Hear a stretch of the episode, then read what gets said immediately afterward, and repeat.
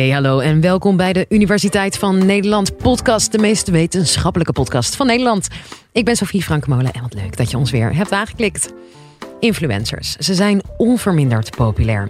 Maar hoeveel invloed hebben zij daadwerkelijk op hun volgers? En is die invloed positief of negatief? Communicatiewetenschapper Emmeline Kroes van Universiteit Tilburg legt het uit.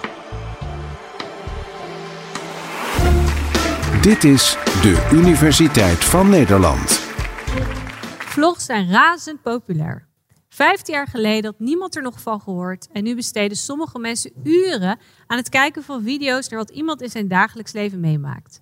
Waarschijnlijk ken je één of meerdere van deze mensen vast wel. Hallo dames en heren en super tof dat jullie kijken naar een gloednieuwe vlog. Mijn naam is Enzo Knol en ik heb prima geslapen. Goedemorgen en welkom bij een nieuwe vlog. Het is vandaag dinsdag en ik ben me aan het klaarmaken. Ik ga vandaag eindelijk weer mijn nagels laten doen. Joejoe, welkom bij een nieuwe vlog. Het is vandaag zondag. De jongens die zijn uit logeren bij opa en oma. Waarom vinden we het nou zo leuk om vlogs te kijken? Wat maakt vloggers of influencers nou zo populair? Ik ben communicatiewetenschapper en ik doe al jaren onderzoek naar de effecten van sociale media. Ik onderzoek waarom de digitale wereld ons zo aantrekt en welke rol influencers hierin spelen. Daarnaast kijk ik of dit ook gevolgen heeft voor onze offline wereld. Maar laten we eerst eens kijken wie nou precies influencers volgen. Want het lijkt soms alsof vlogs kijken echt iets voor de jongere generatie is. En dat is verreweg de groep die de meeste vlogs kijkt. Maar inmiddels kijken zeker niet alleen jongeren naar vlogs. Het landschap van influencers is enorm breed geworden. Je hebt mommyvloggers die je bijvoorbeeld laten zien hoe je een leuk verjaardagsfeestje geeft voor je kind. Mannen die vloggen over hoe ze auto's in elkaar klussen. En vloggers die alles weten over wat er speelt binnen de wereld van cryptovaluta. Er is voor ieder wat wils. Wat wel een belangrijk verschil is, is dat jongeren van nu echt opgroeien met vlogs. Dat was bij mij bijvoorbeeld niet zo. Ik heb het leren kennen. Voor jongeren is het kijken van vlogs net zo normaal als televisie kijken voor mij vroeger was. Het is voor hen bijna vanzelfsprekend dat je naar vlogs kijkt. Oké, tot zover het publiek. De volgende vraag is: waarom kijken mensen naar vlogs? Wat is daar nou zo leuk aan? Nou, dat hebben wij op Tilburg University onderzocht. En wij vonden zes motieven of redenen om influencers te volgen. De eerste is ontspanning en entertainment. Ten tweede omdat het een trend is en cool is. Dan uit verveling, om gezelschap, informatie zoeken en tot slot informatie delen. En ik zal een paar van deze motieven even toelichten. Gezelschap klinkt bijvoorbeeld misschien een beetje gek, want veel mensen zijn alleen als ze een vlog kijken. Maar we zien dat mensen een vlog opzetten om een stilte te vullen. Het is een soort achtergrondgeluid en je gaat tegelijk je make-up doen of je brood smeren. Daar heb je het gevoel dat er iemand bij je is. Die laatste twee motieven, informatie zoeken en informatie delen, die lijken een beetje op elkaar. Bij informatie zoeken is het duidelijk. Je bent op zoek naar meer kennis. Stel je wilt weten hoe je smoky eyes moet maken, dan is er vast wel een influencer die je kan vertellen hoe dat moet. Dat je een vlog gaat kijken om juist informatie te delen, klinkt misschien een beetje gek. Maar hierbij gaat het erom dat jij zelf graag bepaalde kennis wilt doorgeven aan anderen. Bijvoorbeeld aan je vrienden of in een reactie onder een video. Je hebt bijvoorbeeld nog een extra tip om die smoky eyes zo mooi mogelijk te maken, of je hebt nog een aanvullende vraag. Je wil graag ergens over praten met andere kijkers. Het volgen van een vlogger heeft in die zin ook een hele sociale component. Er zijn dus meerdere redenen waarom mensen influencers volgen. En al deze motieven hebben in verschillende mate een impact op of jij je met een influencer identificeert. En dit noemen we ook wel sociale identificatie. Daarmee bedoelen we in welke mate jij in iemand kan herkennen. En dat is heel belangrijk, want dit bepaalt de mate waarin die influencer jou persoonlijk aanspreekt en hoe geloofwaardig je hem of haar vindt. Als we ons in hoge mate met iemand kunnen identificeren, geeft dat het gevoel alsof je iemand echt goed kent. Daardoor raken we als het ware bevriend met de influencer. En dat is best gek, want dat is natuurlijk een eenzijdige vriendschap. Ze kennen jou niet. Dit noemen we ook wel paravriendschap. Dat gevoel kan je ook hebben bij het kijken van een televisieserie. Zeker als een serie lang doorgaat en je elke week een aflevering kijkt, kan je het gevoel hebben dat je die personages echt kent. Zodra de serie stopt, kan je ook het gevoel hebben dat je ze mist. Bijvoorbeeld bij de serie Friends. Zou je graag een pizza eten met Joey of willen shoppen met Rachel? Dat is dus vergelijkbaar met wat er nu gebeurt met influencers. Maar er is een belangrijk verschil. Bij zo'n serie had je nog wel enigszins afstand. Je was je er bewust van dat die beroemdheden onbereikbaar waren en dat hun personages gespeeld waren. Bij influencers werkt dit anders. Influencers komen een heel stuk dichterbij. Je ziet de echte persoon. Ze geven je een kijkje in hun dagelijks leven vanuit hun eigen woonkamer of slaapkamer. En zo geven ze jou het gevoel dat ze een gelijke van jou zijn. Daarbij betrekken ze jou bij de video's en de posts die ze plaatsen.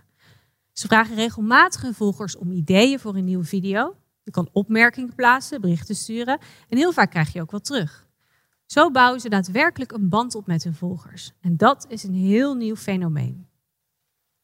Bovendien bestaan er nu ook micro-influencers. Dat zijn influencers met wat minder volgers dan de grote der aarde, zoals Enzo Knol en Monica Geuze.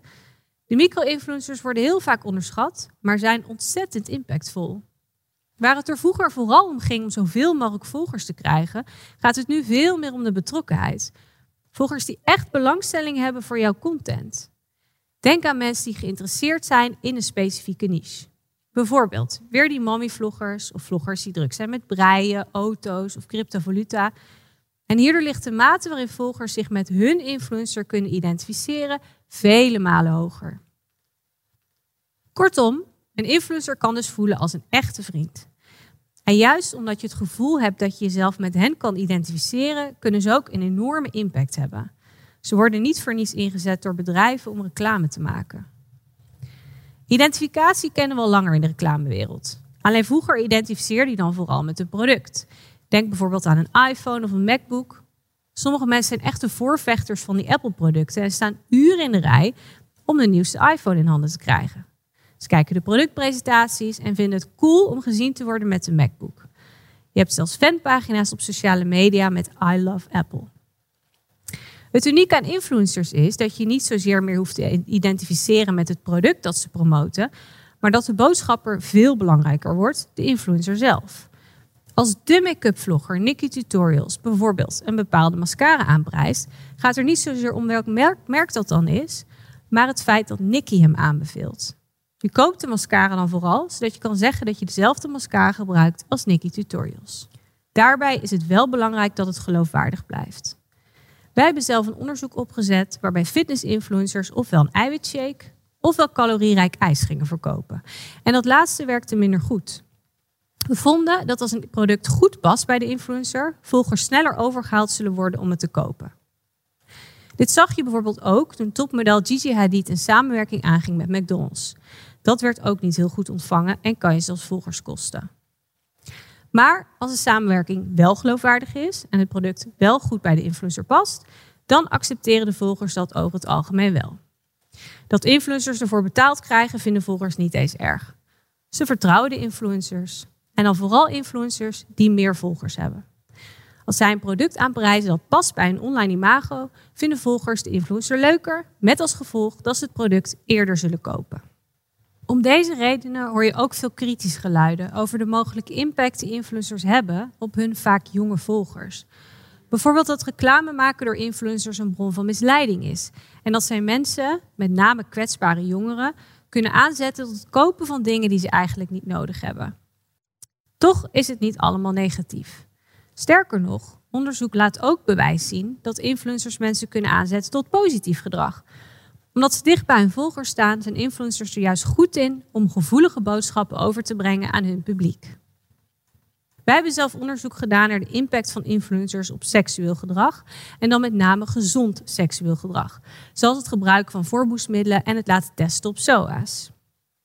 SOA's komen onder jongeren vaak voor. En ze laten zich relatief weinig testen, steeds minder zelfs. Toch blijkt het vaak moeilijk om jongeren over dit onderwerp te bereiken.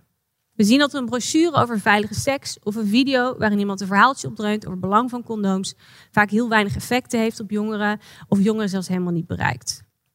En daarom worden influencers steeds vaker ingezet om juist deze groep te bereiken.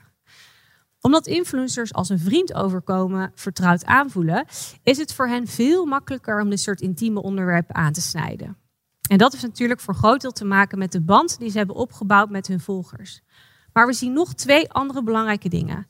Allereerst gebruiken ze heel veel humor. Zo laten ze op ludieke wijze zien hoe je een condoom omdoet of gebruiken satirische sketches om uit te beelden hoe je met je partner kan communiceren over veilige seks. Ten tweede doen ze aan zelfonthulling. Ze verweven de boodschap met een persoonlijk verhaal. Een influencer vertelt bijvoorbeeld dat hij zelf een zo heeft gehad, of dat zich van de week hebben laten testen op chlamydia. Of dat ze onveilige seks hebben gehad en zich zorgen maken over de gevolgen daarvan. Door iets persoonlijks over zichzelf te vertellen, betrekken ze hun volgers meer bij de boodschap. En daardoor komen er gesprekken op gang. Mensen gaan hun eigen verhalen delen in reacties onder de video. Ze doen zelf ook onthullingen, zoals ik heb ook chlamydia gehad. En mensen worden daardoor aan het denken gezet. Ik heb ook symptomen, moet ik me laten testen? Of misschien moet ik ook maar eens een uitstrijkje laten maken. Op deze manier kunnen influencers dus een hele beweging in gang zetten.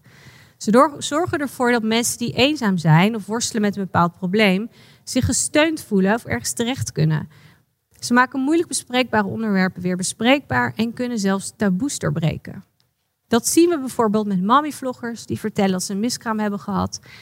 Of bijvoorbeeld Enzo Knol die vertelde dat hij vroeger gepest werd. Als influencers ervaringen delen die jij ook hebt meegemaakt, voel je je minder alleen.